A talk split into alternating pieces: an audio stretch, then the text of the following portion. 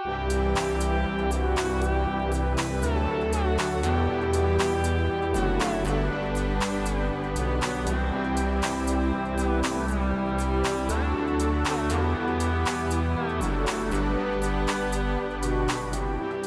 Sverige är arbetslösheten bland utrikesfödda väsentligt högre än bland inrikesfödda. Utrikesfödda kvinnor är den grupp där lägst andel personer är sysselsatta.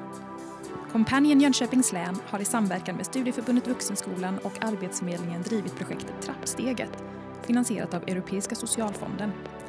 Projektet har stärkt arbetslösa utrikesfödda kvinnor och skapat förutsättningar att komma närmare arbetsmarknaden genom anställning, företagande, praktik och utbildning ett 50-tal kvinnor har tagit del av insatsen i tre utav länets kommuner. Genom den här podden vill vi sprida den kunskap och de erfarenheter vi och deltagarna fått genom arbetet med projektet. Jag heter Rebecka Hodja From och ni lyssnar till Trappsteget, vägar till arbete.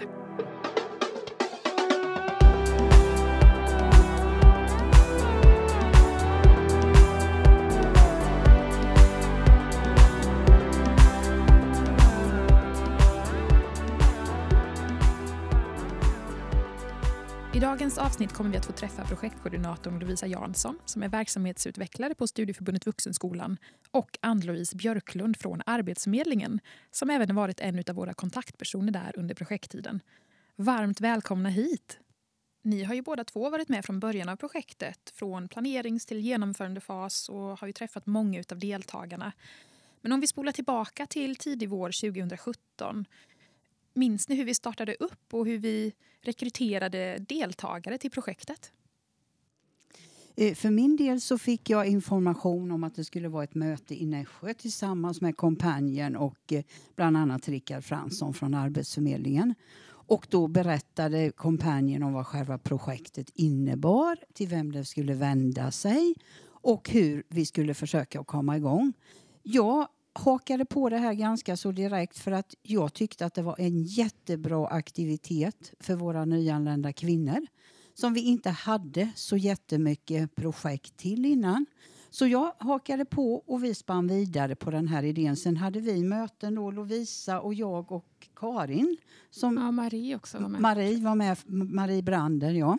Och vi började skissa på idéerna och vi började titta vilka deltagare som kunde vara aktuella. Jag spred ju det här då givetvis bland mina arbetskamrater. Och tillsammans plockade vi ut deltagare som kom på ett öppet hus. Just det. Så egentligen så var det ju då projektkoordinatorer från Studieförbundet Vuxenskolan och projektledare för kampanjen och ni från Arbetsförmedlingen ja. som, som träffades och pratade ihop er. Precis. Hur gick det här öppet hus till? Minns ni? Ja, knappt. Nej, men vi hade ju i Nässjö och i Tranås mm. hade vi två öppet hus. Vi startade upp en grupp i Nässjö och en i Tranås. Och, och en i Vetlanda. Och en i Vetlanda lite senare, precis. Eh, öppet hus, då ville vi få lite känslan av att det här är någonting som man kan komma till som är roligt och man lär sig men vi har skapat en gemenskap. Så vi gjorde ett program där vi Ja, men vi, de fick göra en, en liten praktisk övning bara för att få lite känslan av att ja, gemenskapen, att, att tillsammans kan vi göra, göra någonting. Eh, och vi hade i Nässjö och Tranås hade vi bjudit in en, en kvinna som berättade om när hon själv startade ett företag. Och såklart information om, om trappsteget. Men vi försökte att göra det enkelt eh, och roligt för att deltagarna skulle bli intresserade. Hur kom projektvardagen att se ut för deltagarna?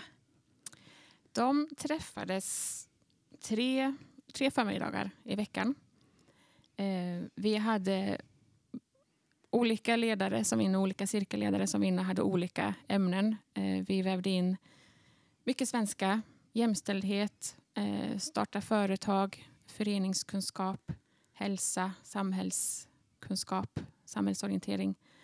Ehm, ja. En annan viktig bit egentligen i, i projektet har ju varit också de här studiebesöken som vi har arrangerat där deltagarna har fått komma ut till olika organisationer och företag där de fått en inblick i den lokala arbetsmarknaden och även fått en förståelse för vad som kanske efterfrågas av arbetsgivare och ett bredare nätverk. Ehm, som handläggare på Arbetsförmedlingen, Ann-Louise, hur, hur ser du på ett projekt som Trappsteget? Och vad tror du att det har betytt för de deltagare som har varit med? Jag ser väldigt positivt på projektet. För, för det första så vänder det sig bara till kvinnor. Kvinnorna har väldigt svårt från de här kulturerna att göra sig hörda om det sitter en grupp med blandat män och kvinnor. Här vågade de liksom prata, de vågade komma fram. De skaffade sig nya kontakter. De diskuterade alltså kvinnofrågor både kan man säga på kursen men även efteråt också. Jag tror att de fick ett ganska så stort kontaktnät. Många av dem fick framförallt upp hoppet om att det finns någonting efter alla kurser och all SFI och allt vi ska gå på. Så att jag upplever det som mycket positivt. Trappsteget har gett mig styrka att leta efter ett jobb. Jag vill öppna ett äh, klädaffären. Jag är glad och stolt i trappsteget. Jag hoppas jobba jobb i framtiden. Finns det något samtal eller möte med kvinnorna som ni minns lite alldeles extra? Ja, jag tänker speciellt på ett tillfälle. Det var i Tranås en kvinna som jag satt och pratade med när vi hade fika, fikarast. Och då så hon beklagade sig lite över att hon hade tre barn hemma som hon fick passa upp på. Det var hennes tvåårige son, hennes treårige son och sen hennes man som eh, satt i soffan och, och beställde te och där. Och, och hon var ganska frustrerad över det. Jag tror att det hade kanske gått upp lite när vi hade haft olika samtal att hon hade insett att det här, så här funkar det inte i Sverige i de flesta familjer utan det ser annorlunda ut. Och jag försökte eh, fråga henne lite, men hur, hur tänker du nu med dina söner? När du uppfostrar dem, kommer de också sitta som din man när de växer upp? Liksom, hur, hur blir, ja, kommer hon göra någon ändring? Det, det vet jag ju inte och det, vi kom inte så långt i samtalet men jag tror i alla fall att det väcktes lite tankar där hos henne. Mm. Jag har egentligen också ett exempel. En lite äldre kvinna som hade kommit ensam till Sverige hade om någon anledning fått lämna sina halvvuxna dotter, döttrar i hemlandet. Som när jag pratade med och sa oh, men det är så skönt att gå hit. Annars sitter jag bara hemma när jag inte är på SFI och gråter och längtar efter mina mm. barn. Men nu kommer jag ut och träffar andra kvinnor och får prata med dem och får lära mig någonting nytt också. Mm. Mm. Jag tyckte framför allt, eh, med att jag har det färskaste minnet, eh, den gruppen i Vetlanda, att jag kan se hur en del personer växte väldigt mycket under tiden. En del personer som tog väldigt lite plats i början. Mm. I slutet tog mer plats. Dels att de pratade mer, men att de, ja, de syntes mer. Att man såg att de, det hade hänt någonting i, i deras liv. Ja, jag kan bara hålla med. Det har varit fantastiskt att få följa kvinnorna under deras resa i trappsteget eh, och den empowermentprocess de alla på olika sätt faktiskt har varit inne i, eh, eller kanske fortfarande är. Ehm, och när jag ser tillbaka på det kursupplägg som vi hade i, i trappsteget för de olika grupperna med deltagare så tycker jag det är otroligt eh, fascinerande att se hur vi faktiskt lyckades gifta ihop folkbildningens kompetens inom integration och mötet mellan människor och Companions fokus kring entreprenörskap och företagande och samverkan. För det har varit ett ganska stort fokus under hela projekttiden det här med ja, både personlig utveckling men också just att, att starta eget företag, starta företag tillsammans. Ehm, och Andis, vad hände egentligen med deltagarna i Tranås? För jag vet att det var många där som, som var på gång efter projekttiden. Ja då. Vi, jag hade ett, eller vi hade ett exempel på bland annat två kvinnor som var väldigt, väldigt nära och ville starta upp så kallad food truck de var ute lite till och med. De fick erbjudande genom kommunen så de var med när man hade lite firande och de här bitarna. De stod till och med på torget, egen regi några gånger. Men sen var det så tråkigt att den e ena kvinnan av dem fick ett fast arbete. Så tråkigt. Så, så väldigt tråkigt ja. i det här fallet. Ja. Men de försökte i alla fall. Och den andra kvinnan då som inte fick något arbete, hon kommer att påbörja restaurangutbildning här i Nässjö. Mm. Så de är på gång. Det har hänt, men det, det har hänt ganska mycket med de flesta av kvinnorna. Men en del är ju tyvärr fortfarande kvar och stampar på samma ställe. De har varit föräldralediga och fått lite SFI och lite yrkesförberedande. Men just ett exempel på att en kvinna då har gått ut i ett fast arbete och några andra då är på gång till utbildningar eller har påbörjat utbildningar som de kanske inte hade kommit att tänka på om de inte hade fått den här möjligheten. Nu, efter trappsteget, det är närmare till jobb för att jag blir starkare än innan. Innan jag var blyg kunde inte göra någonting. Bara nu starkare, därför kan jag hitta jobb nu. I gruppen i Vetlanda så arbetade vi under en lite längre tid med praktiskt entreprenörskap. Deltagarna fick själva vara med och utforma en receptbok och skriva egna recept kopplat till en berättelse och även ta egna bilder. Eh, och sen satte vi ihop den här kokboken och gav ut den som ett exempel på en produkt som man skulle kunna skapa och sälja. Eh, och sen vävde vi in diskussioner kring affärsidé och marknadsföring, produktion och potentiella kunder. Lovisa, varför valde vi att arbeta med så praktiska moment kring just entreprenörskap?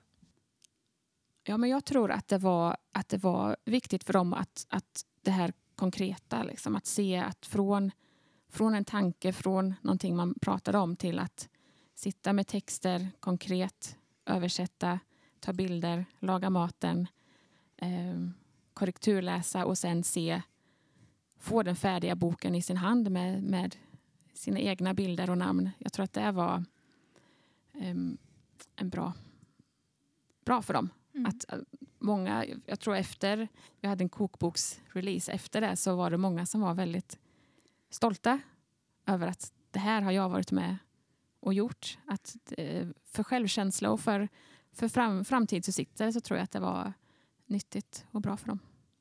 Vad skulle ni säga har varit olika framgångsfaktorer för trappsteget? Jag tror att det... Jag tycker att jag har sett att just den här gemenskapen hos, hos kvinnorna, att de, de eh, stöttar varandra och de, de eh, känner, precis som du sa Annelise, att, att, eh, att de är bara kvinnor, att de kan känna sig lite friare och lite mer eh, kunna vara sig själva ehm, och utvecklas på sitt sätt. Att det har varit en, en framgång ehm, för mig som projektledare, när jag tittar på hela projekttiden och på de olika grupperna så, så tycker jag att en av de kanske viktigaste eh, framgångsfaktorerna har varit att vi har hela tiden försökt lyfta in olika goda exempel på andra kvinnor som kanske också har befunnit sig i samma situation som de har, kanske kommit från andra länder men som verkligen har kämpat och fått ett jobb, kanske en chefsposition inom kommunen och som då får komma och berätta om sin resa för de här deltagarna. Och det har inspirerat dem något så otroligt. Ehm, för mig så ser jag också att, att Arbetsförmedlingen, att vi har haft kontaktpersoner, handläggare som har varit väldigt engagerade i både projektet men också intresserade eh, av, av deltagarnas personliga resor och, och personliga utveckling det har varit en otrolig framgångsfaktor eh, för projektet. Eh, att ha handläggare som kommer ut och, och besöker verksamheten och har koll på både projektledning och deltagare. Eh, så det, det tycker jag är någonting väldigt positivt i ett sånt här projekt. Mm. Och det var alltid jätteroligt att gå bort och besöka dem i källaren på vuxenskolan. Man hörde redan i trappan ner deras chatter och hur de pratade. Och de var alltid jättepositiva när man kom. Men eh, nu har vi pratat om väldigt mycket positiva saker här med projektet. Finns det några utmaningar som vi har stött på eh, i den här eh, projektledningsgruppen och, och hur kommer vi i så fall runt dem? Ja, men självklart med språket. Kommunikation är ju eh, klurigt. Och det har vi, jag tror att vi har lärt oss ganska mycket där, du och jag Rebecka, hur, hur man ska uttrycka sig och vilka ord och, och liksom dubbelkolla. Eh, och sen också tror jag en, en, utmaning har varit att, att få de här kvinnorna att förstå att, att de själva måste prestera. Att de själva måste engagera sig i, i sitt liv och i sin framtid. Det går inte, Eh, man får inte ett jobb serverat utan de själva måste engagera sig. Det tror jag har varit olika svårt för, för olika individer att få den poletten att trilla ner. vad man kanske också måste se till lite det är ju det här med kvinnorna och kvinnornas närvaro. Den var väl inte alltid kanske så positiv för det är mycket vara hemma och vårda barn och mycket sådana saker. Men jag tror vi lärde de flesta av dem att de åtminstone var tvungna att ringa eller smsa och säga till att de inte kan. Eller att de inte kunde komma. Det är också en väldigt viktig del i svenskt arbetsliv idag. Du måste tala om om du inte kan komma. Ja, precis. Det här jag tycker är så spännande med att arbeta i projektform. Det handlar inte bara om att följa projektsyftet och ett visst kursupplägg som man planerade för flera månader sedan utan det är individer vi arbetar med, det är deras behov som är, ligger till grund för det vi egentligen gör. Um, och det handlar om hela människan, att man måste arbeta med alla aspekter av, av individernas eh, komplexa livssituation. Um, och, och det här tycker jag en, är en av eh, lärdomarna som vi tar med oss efter arbetet med trappsteget. Att arbeta med hela människan. Ett stort tack till dig Lovisa från Studieförbundet Vuxenskolan och dig Ann-Louise från Arbetsförmedlingen för er medverkan här idag. Och tack till alla er som har lyssnat på det här första avsnittet av Trappsteget Vägar till arbete. En podcast från Companion Jönköpings län.